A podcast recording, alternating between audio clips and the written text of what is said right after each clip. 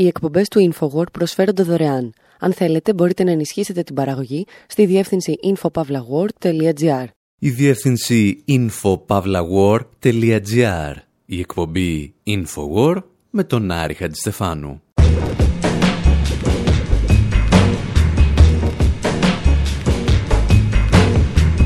όπου σήμερα αρπάζουμε έναν κουβά popcorn και πολλές μπύρες και καθόμαστε να δούμε ξένες τηλεοπτικές σειρές. Περιπέτειες.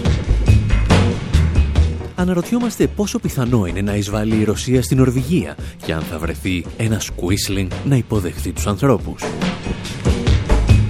Επιχειρούμε να δολοφονήσουμε αρκετές φορές την Υπουργό Εσωτερικών της Μεγάλης Βρετανίας για μια υπογραφή που έβαλε για τον πόλεμο στο Ιράκ και προσπαθούμε να καταλάβουμε γιατί η Τερέζα Μέη ανατριχιάζει και μόνο με τη σκέψη.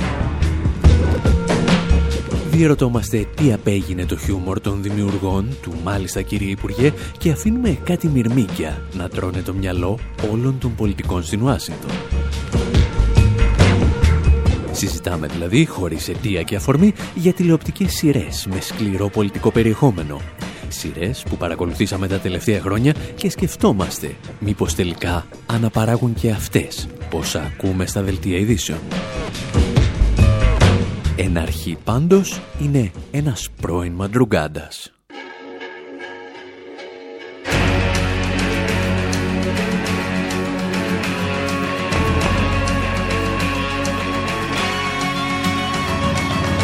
Once you were on Seafolk and you sailed upon the sea. Crossed the roaring ocean with the devil at your heels. All that time has come again now. I'll tell you how this will unfold. I want to see the Western Ocean painted black and gold. Welcome to the seaside. It's been occupied bow to the bottom and behold the mother love of black and gold.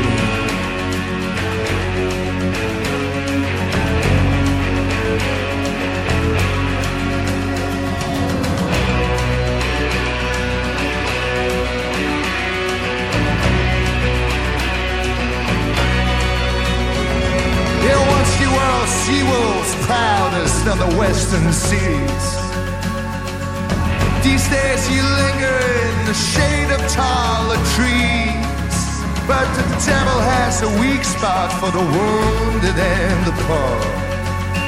For the hungry and the crafty and the wicked and the small. Onward to the seaside. It's been occupied to the bottom and behold the mother lode of black and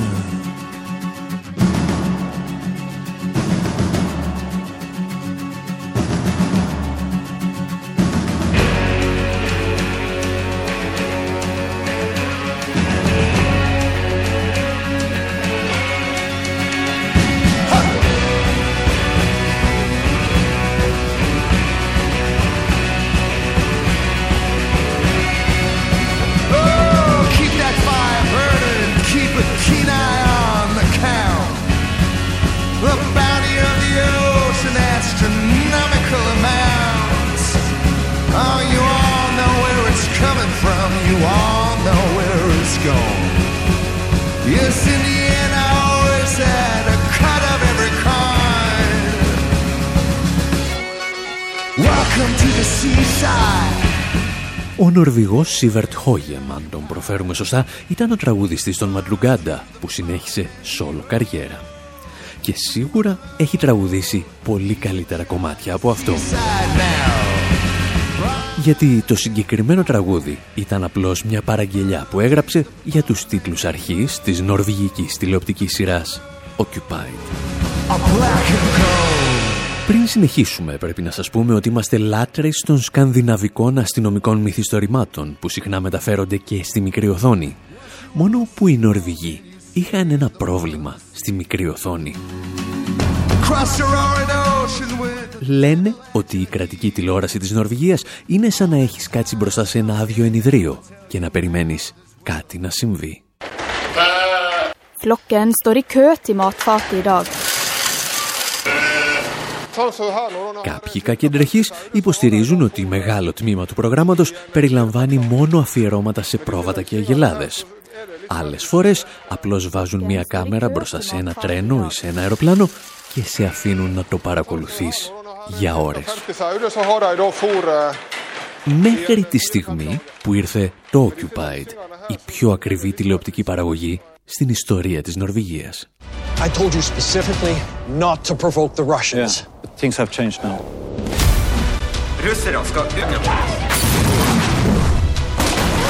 I have to do something.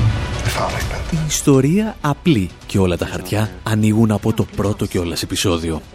Στο πολύ κοντινό μέλλον ο πλανήτης έχει γνωρίσει μία ακόμη οικονομική και ενεργειακή κρίση και ολόκληρη η Ευρώπη εξαρτάται πλέον από το πετρέλαιο και το φυσικό αέριο της Νορβηγίας. Οι Ηνωμένες Πολιτείες από την πλευρά τους έχουν εξασφαλίσει την ενεργειακή τους επάρκεια και έχουν αποχωρήσει ακόμη και από το ΝΑΤΟ.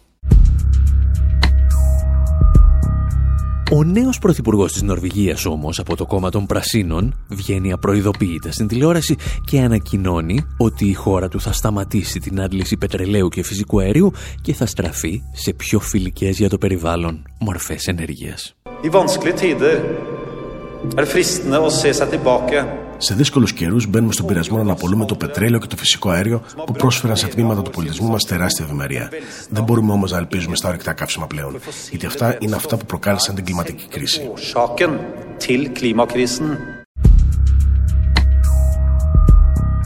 Ο Πρωθυπουργός ολοκληρώνει την ομιλία του και ύστερα συμβαίνει το αναπάντεχο.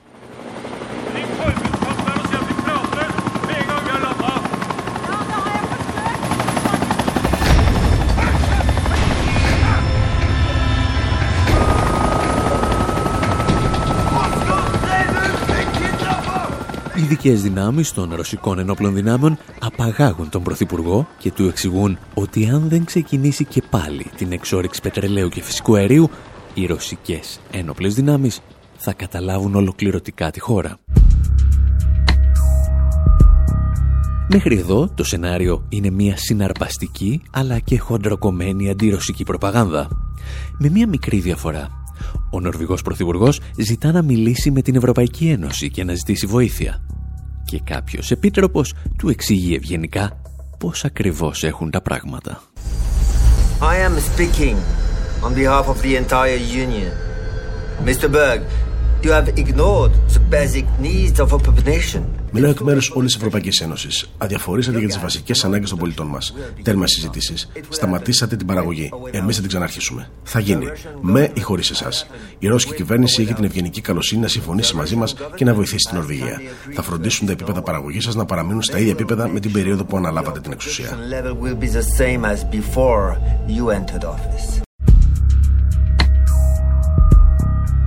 Η Ευρωπαϊκή Ένωση λοιπόν είναι αυτή που ζητά από το ρωσικό στρατό να εισβάλλει στην Νορβηγία. Επειδή όμως οι επίτροποι της Κομισιόν έχουν συνηθίσει να τους κατηγορούν ότι παρεμβαίνουν στις υποθέσεις ανεξάρτητων κρατών και μάλιστα ότι μερικές φορές ανατρέπουν δημοκρατικά εκλεγμένους πολιτικούς, δεν τους πείραξε και τόσο το σενάριο της ταινίας. Οι Ρώσοι από την άλλη τα πήραν στην κράνα και μπορούσες να διαβάσεις αυτή την οργή τους όχι μόνο στις ανακοινώσεις της πρεσβείας στο Όσλο, αλλά ακόμη και στο πρόσωπο του ψύχρεμου παρουσιαστή του Russia Today. For now on the program, Russia is invading Norway. Στη συνέχεια του προγράμματός μας, η Ρωσία εισβάλλει στην Νορβηγία, στην πιο ακριβή τηλεοπτική παραγωγή στην ιστορία της χώρας. Η σειρά έχει ήδη πουληθεί σε άλλες 9 χώρες. Μάλιστα, κυκλοφορεί σε μια περίοδο στην οποία ορισμένοι ηγέτες υποστηρίζουν ότι αντιμετωπίζουν ρωσική επιθετικότητα.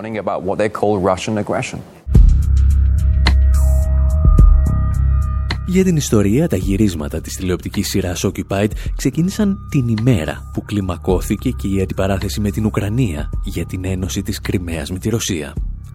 Και όπως μπορείτε να φανταστείτε, όλα τα δυτικά μέσα ενημέρωσης μιλούν από το 2016 για το Occupied με τα καλύτερα λόγια.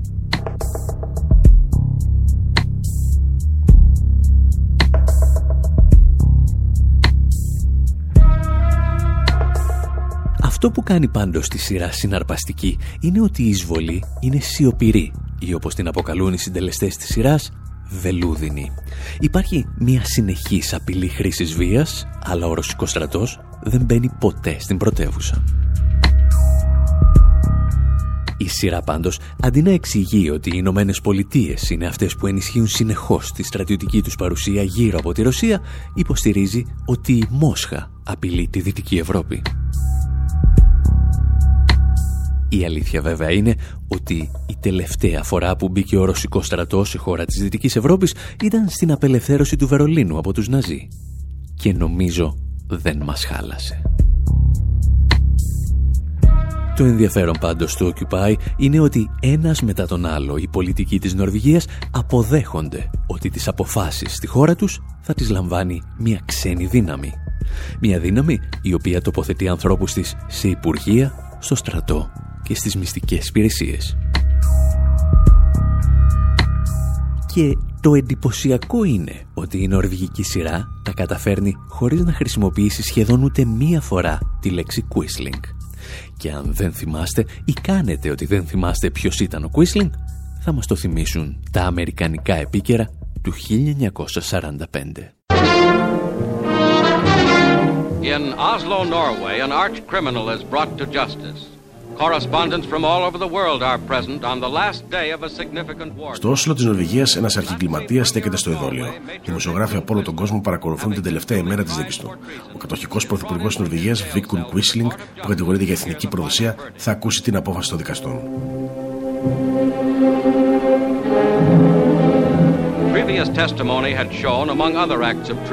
Όπως αποδείχθηκε, ο Κουίσλινγκ βοήθησε στο σχεδιασμό της εισβολής των Ναζί στη Γερμανία και ύστερα κάλεσε τους Γερμανούς να εισβάλλουν. Ο Κουίσλινγκ καταδικάζεται σε θάνατο, αλλά του δίνεται η δυνατότητα να ασκήσει έφεση. Για τον άνθρωπο όμως, το όνομα του οποίου έγινε συνώνυμο της προδοσίας, δεν μπορεί να υπάρχει αφιβολία για το αποτέλεσμα.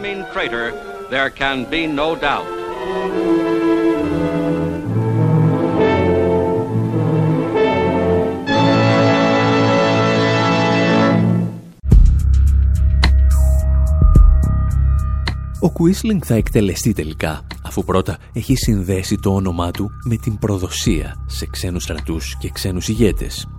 Και το Occupied, παρά την παιδιάστικη αντιρωσική προπαγάνδα του, είναι μια εξαιρετική καταγραφή των μικρών και των μεγάλων Quisling του σήμερα. Και ενώ εμείς θέλουμε να περάσουμε σε ακόμη πιο προκλητικά σύριαλ προπαγάνδας, όπως το Ισραηλινό Φάουντα, θα μείνουμε για λίγο ακόμη στην κρύα Νορβηγία, με την τηλεσυρά Νόμπελ.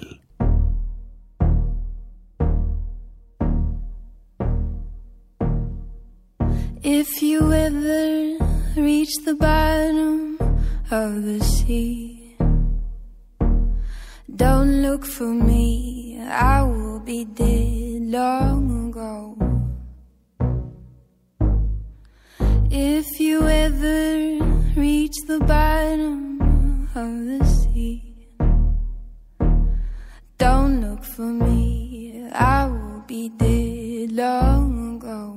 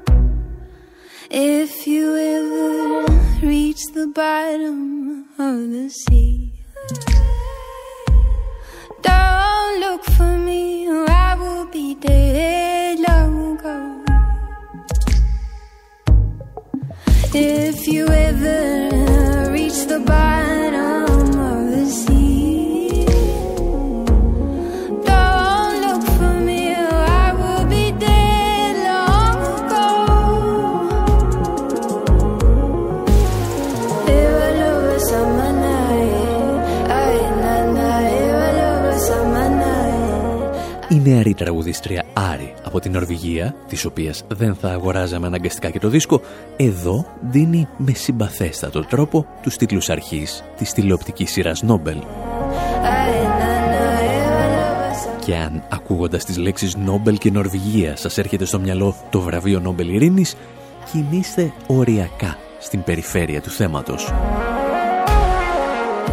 Εκτός βέβαια, αν ακούγοντας τη λέξη Νόμπελ, θυμάστε ότι ο Άλφρετ Νόμπελ ήταν ένας από τους μεγαλύτερους εμπόρους όπλων της εποχής του και συνεπώς ευθύνεται για εκατοντάδες ή χιλιάδες θανάτους. Όπως δηλαδή και αρκετοί από τους πολιτικούς που κατά καιρούς παίρνουν τα βραβεία με το όνομά του. Η σειρά Νόμπελ πάντως αφορά την εμπλοκή της Νορβηγίας στον πολύ βρώμικο πόλεμο του Αφγανιστάν.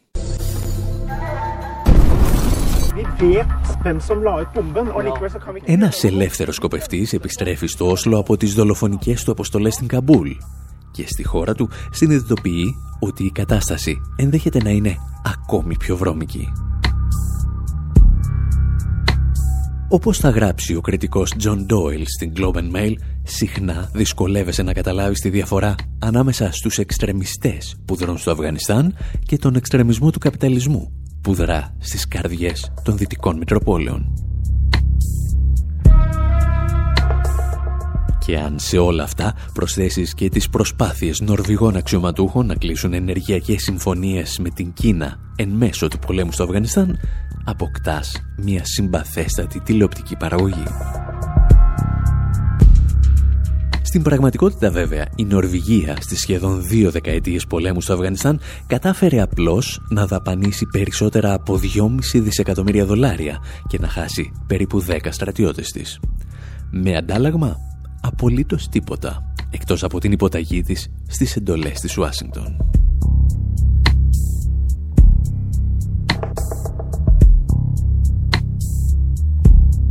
Το Νόμπελ και το Occupied ήταν δύο από τις τηλεοπτικές σειρές με τις οποίες οι σκανδιναβικές χώρες απέδειξαν ότι μπορούν να παρουσιάσουν και κάτι άλλο εκτός από εξαιρετικά αστυνομικά μυθιστορήματα και τις ανάλογες τηλεοπτικές σειρές.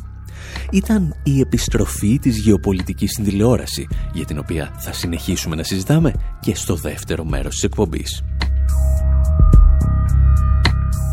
Πριν από το διάλειμμα όμως, να σας θυμίσουμε ότι αυτή την Παρασκευή, 28 Σεπτεμβρίου του 2019, η ομάδα του Infowar ανεβαίνει στη Θεσσαλονίκη. Το βραδάκι θα μαζευτούμε στο αγαπημένο μας ωραίο ντεπό. Θα δούμε τα πρώτα τρέιλερ της νέας μας παραγωγής Make the Economy Scream, θα πούμε δύο κουβεντούλες και ύστερα θα ξεκινήσουμε το πάρτι. Περισσότερα γι' αυτά θα βρείτε όμως στη διεύθυνση info.pavlawar.gr και στο maketheeconomyscream.com από όπου μπορείτε να ενισχύσετε και την παραγωγή.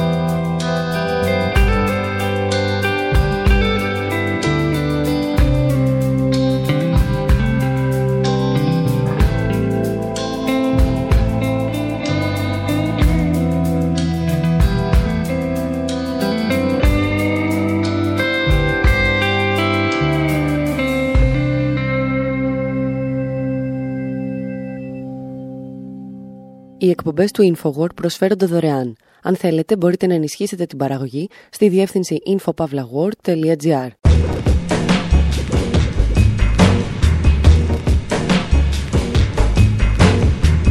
Εκπομπή Infowar, μέρος δεύτερο. Όπου σήμερα μοιραζόμαστε μερικές σκέψεις για ορισμένες από τις πιο πολιτικές ξένες τηλεοπτικές σειρές που κυκλοφόρησαν τα τελευταία χρόνια. Να θυμίσουμε ότι τα σύριαλ που παρουσιάζουμε είναι σαφώς συναρπαστικά και τα προτείνουμε, εάν δεν έχετε κάτι καλύτερο να κάνετε στη ζωή σας. Αλλά σε καμία περίπτωση δεν συμφωνούμε με την οπτική τους. Παρακολουθήσαμε τους Νορβηγούς να συμμετέχουν στην αντιρωσική ιστερία στο σύριαλ Occupied, όπου η Μόσχα καταλαμβάνει με τον τρόπο της το Όσλο Και ύστερα είδαμε κάτι σκληρούς, πλην καλόκαρδους ελεύθερους σκοπευτές να πολεμούν πότε στο Αφγανιστάν και πότε στην Νορβηγία. Μιλώντας όμως για συναρπαστικά σύριαλ τα οποία θεωρούμε σκληρή προπαγάνδα, πρέπει να περάσουμε ευθύς αμέσως στη Μέση Ανατολή και το Φάουντα.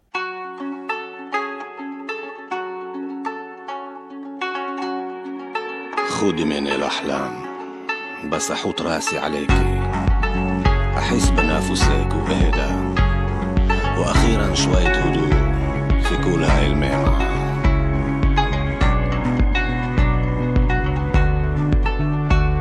מנסים למצוא מקלט הלילה, כל זמן לידך.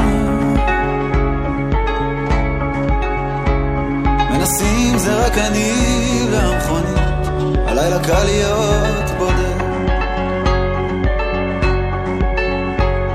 מנסים למצוא מקלט הלילה, כל זמן להיות שקט. מדי פעם מדמיין את המואזין באוזן ממלמל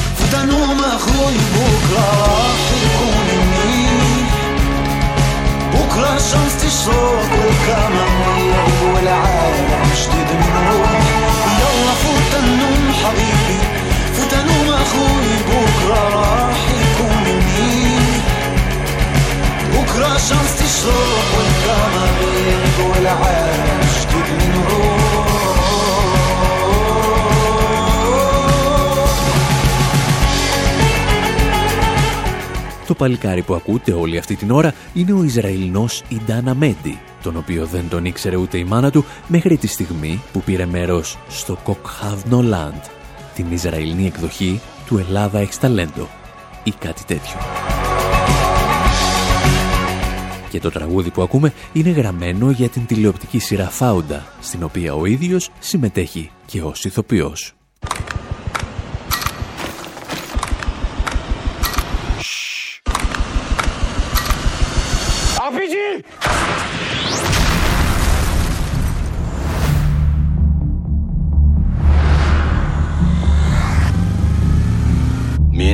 هذا المقدسي هنا علاقة مع حماس فتش عليك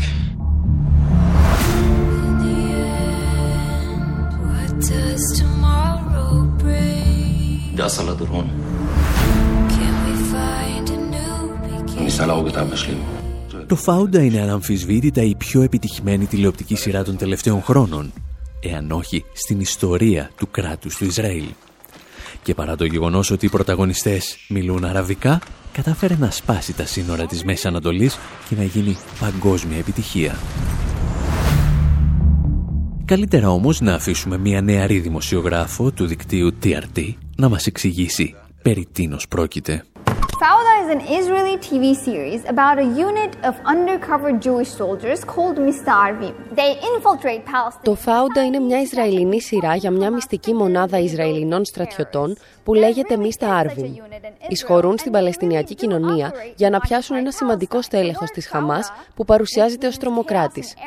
Πραγματικά υπάρχει μια τέτοια μονάδα στο Ισραήλ που δραστηριοποιείται στην κατεχόμενη Παλαιστίνη. Η λέξη φάουντα, που στα αραβικά σημαίνει χάος, χρησιμοποιείται από Ισραηλινούς στρατιώτες όταν θέλουν να πούν ότι η κάλυψή τους καταστράφηκε. Η σειρά έχει λάβει πολλά θετικά σχόλια, επειδή φαίνεται να παρουσιάζει την Παλαιστινιακή και την Ισραηλινή κοινωνία με αντικειμενικό και ισορροπημένο τρόπο. Από την άλλη πλευρά, η δημιουργή και η παραγωγή της σειράς εμπλέκονται άμεσα με την Ισραηλινή κυβέρνηση και τις ένοπλες δυνάμεις. Ο συνδημιουργός και πρωταγωνιστής Λίορ Ραζ είναι πρώην στρατιωτικός και μέλος των Ισραηλινών μυστικών υπηρεσιών Shin Bet. Promoting the show at APAC. Okay, so I used to be in uh, Duvdevan, Ήμουν μέλος της Duvdevan, η οποία είναι μια μυστική ομάδα στο Ισραήλ. an undercover unit in Israel. Thank you.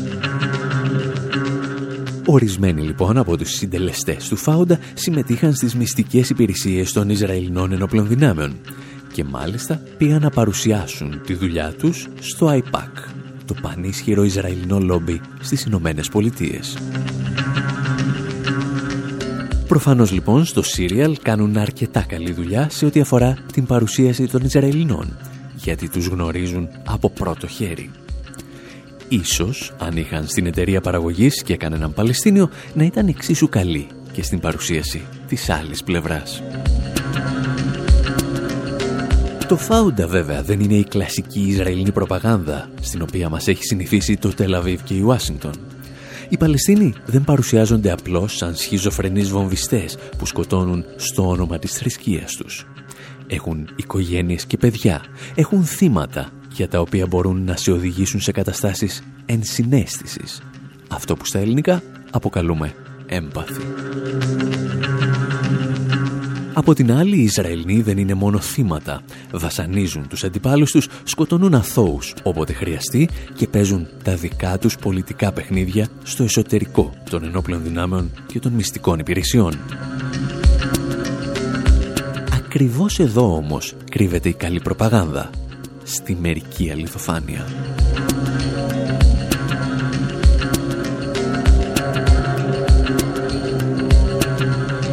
Στο Φάουντα και οι δύο πλευρές φαίνεται να έχουν εμπλακεί σε μια βεντέτα στην οποία σκοτώνουν απλώς για να εκδικηθούν κάποια προηγούμενη δολοφονία.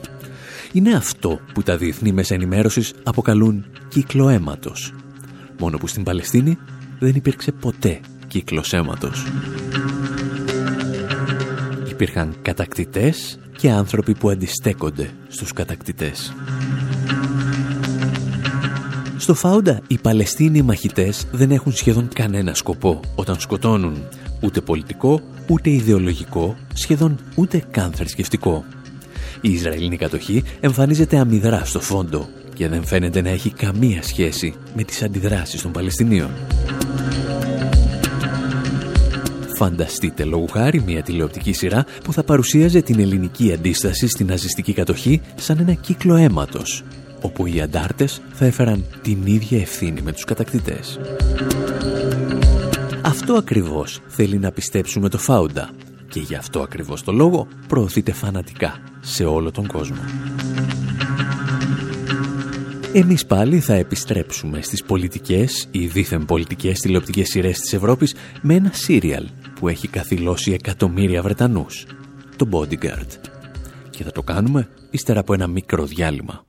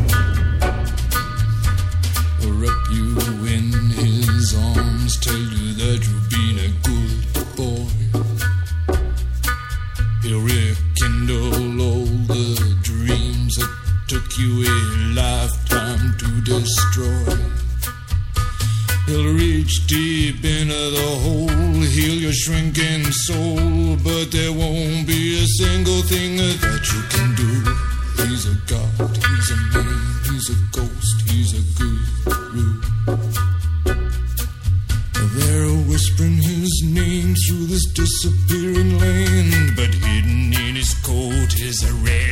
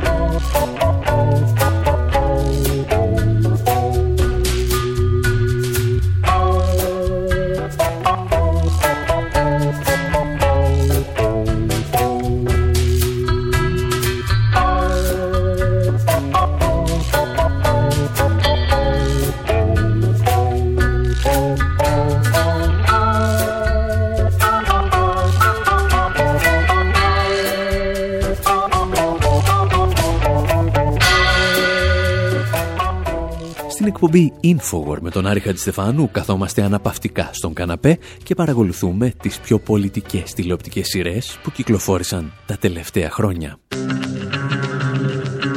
Τις τελευταίες εβδομάδες και συγκεκριμένα κάθε Τετάρτη από 6 έως 10 εκατομμύρια Βρετανοί κάθονται και αυτοί μπροστά στις τηλεοράσεις τους για να παρακολουθήσουν την τηλεοπτική σειρά Bodyguard. Police, get down, stay down.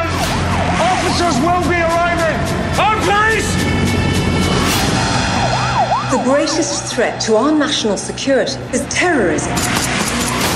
I'm signing you to the Home Secretary. We must protect our way of life. That doesn't require apologizing for the past. That interview you did, did you mean what you said? I don't need you to vote for me, only to protect me. I'll do what's required. She's got an agenda.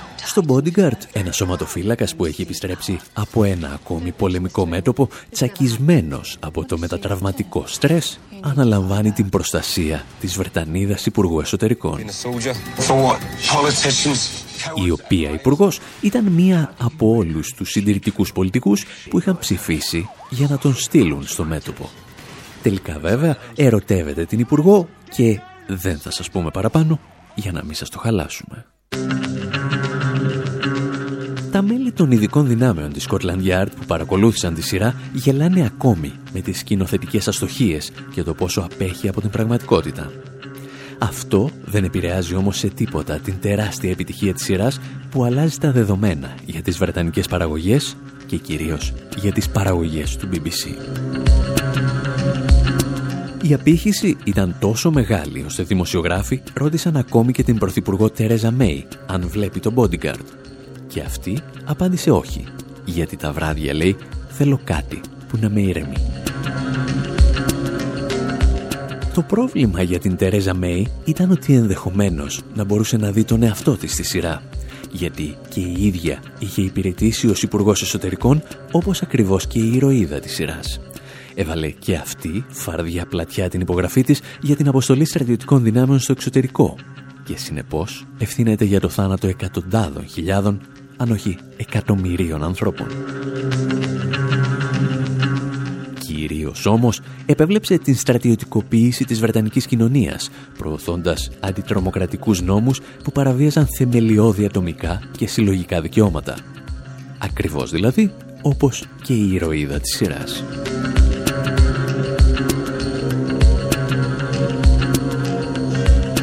Είναι φυσικά λίγο νωρίς για να σας πούμε πού ακριβώς το πάει από πολιτικής απόψεως η τηλεοπτική σειρά Bodyguard, γιατί περιμένουμε και εμείς τα επόμενα επεισόδια. Το βέβαιο όμως είναι ότι αναπαράγει αρκετές από τις κυρίαρχες απόψεις για την απειλή που δέχονται οι δυτικές κοινωνίες από την τρομοκρατία και κυρίως την Ισλαμική τρομοκρατία.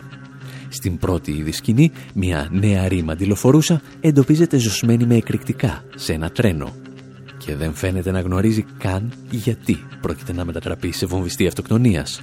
Απλώς φαίνεται να την έχει πείσει ο άντρας της ότι πρέπει να το κάνει. Γεγονός το οποίο μεταξύ άλλων μας φαίνεται και ελαφρώς εξιστικό. Η Τερέζα Μέη δεν ήταν φυσικά η πρώτη πρωθυπουργός που είδε κομμάτια της ζωής της να μεταφέρονται εν αγνία της στην τηλεοπτική οθόνη. Μια άλλη, πολύ πιο σιδηρά κυρία, το έπαθε πριν από μερικές δεκαετίες και απέκτησε μάλιστα και μανία με ένα συγκεκριμένο σύριαλ. Ζήτησε στο τέλος να γράψει ακόμη και το σενάριο από ένα επεισόδιο του.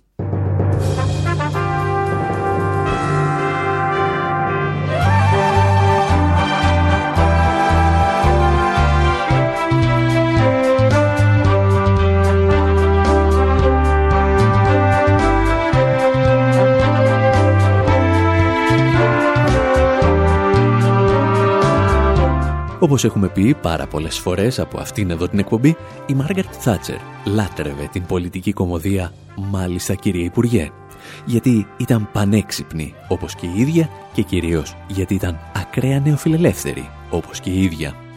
Μια φορά μάλιστα κάθισε μαζί με τους πρωταγωνιστές και υποδίθηκε τον εαυτό της, την Πρωθυπουργό της Μεγάλης Βρετανίας, η οποία ζητούσε να καταργηθούν όλοι οι οικονομολόγοι Θεωρήσαμε ότι θα ήταν έγκλημα να προσπαθήσουμε να το μεταγλωτήσουμε, οπότε σας μεταφέρουμε το διάλογο στην αρχική εκδοχή του.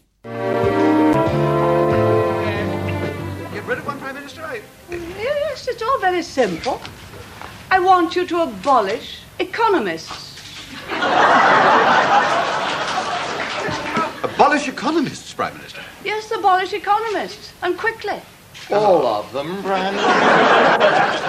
Yes, all of them. I look forward to receiving your plan for abolition soon. Uh, tomorrow, shall we say? I'd like you to announce it before it all leaks. Yes, yes, tomorrow.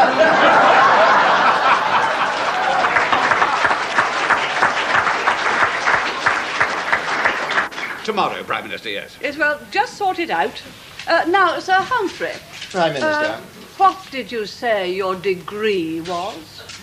Uh, by degree, Prime Minister? Uh, yes, Sir Humphrey, degree. Your degree. You have one, I take it. Most permanent secretaries do, or perhaps two. Um, uh, well, actually, Prime Minister, uh, a double first. Congratulations, Sir Thank you Humphrey. very much. But what in? Uh, politics and um, economics. Capital, my dear Sir Humphrey. Capital. You'll know exactly where to start. yes, Prime Minister.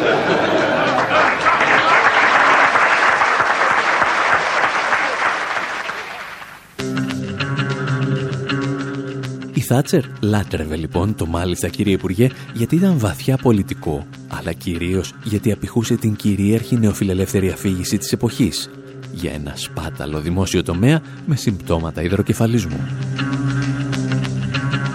Και δυστυχώς, ο τρόπος με τον οποίο οι πολιτικές τηλεοπτικές σειρές απηχούν και σήμερα τις κυρίαρχες αφηγήσεις δεν έχει αλλάξει καθόλου.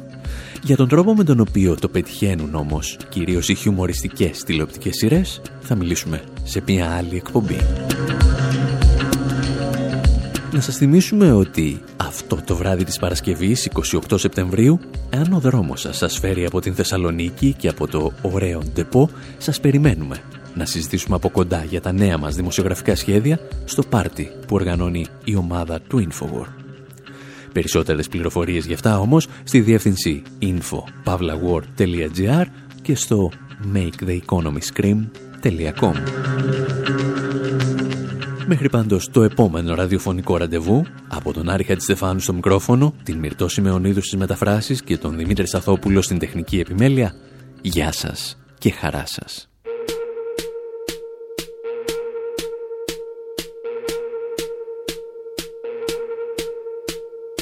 You stripped the message, yeah, you changed the frame, wash it whiter, stole our name, try to slip away through the back door. Did you pull it off? No, you can't be sure. Cause confusion, hide behind misdirection.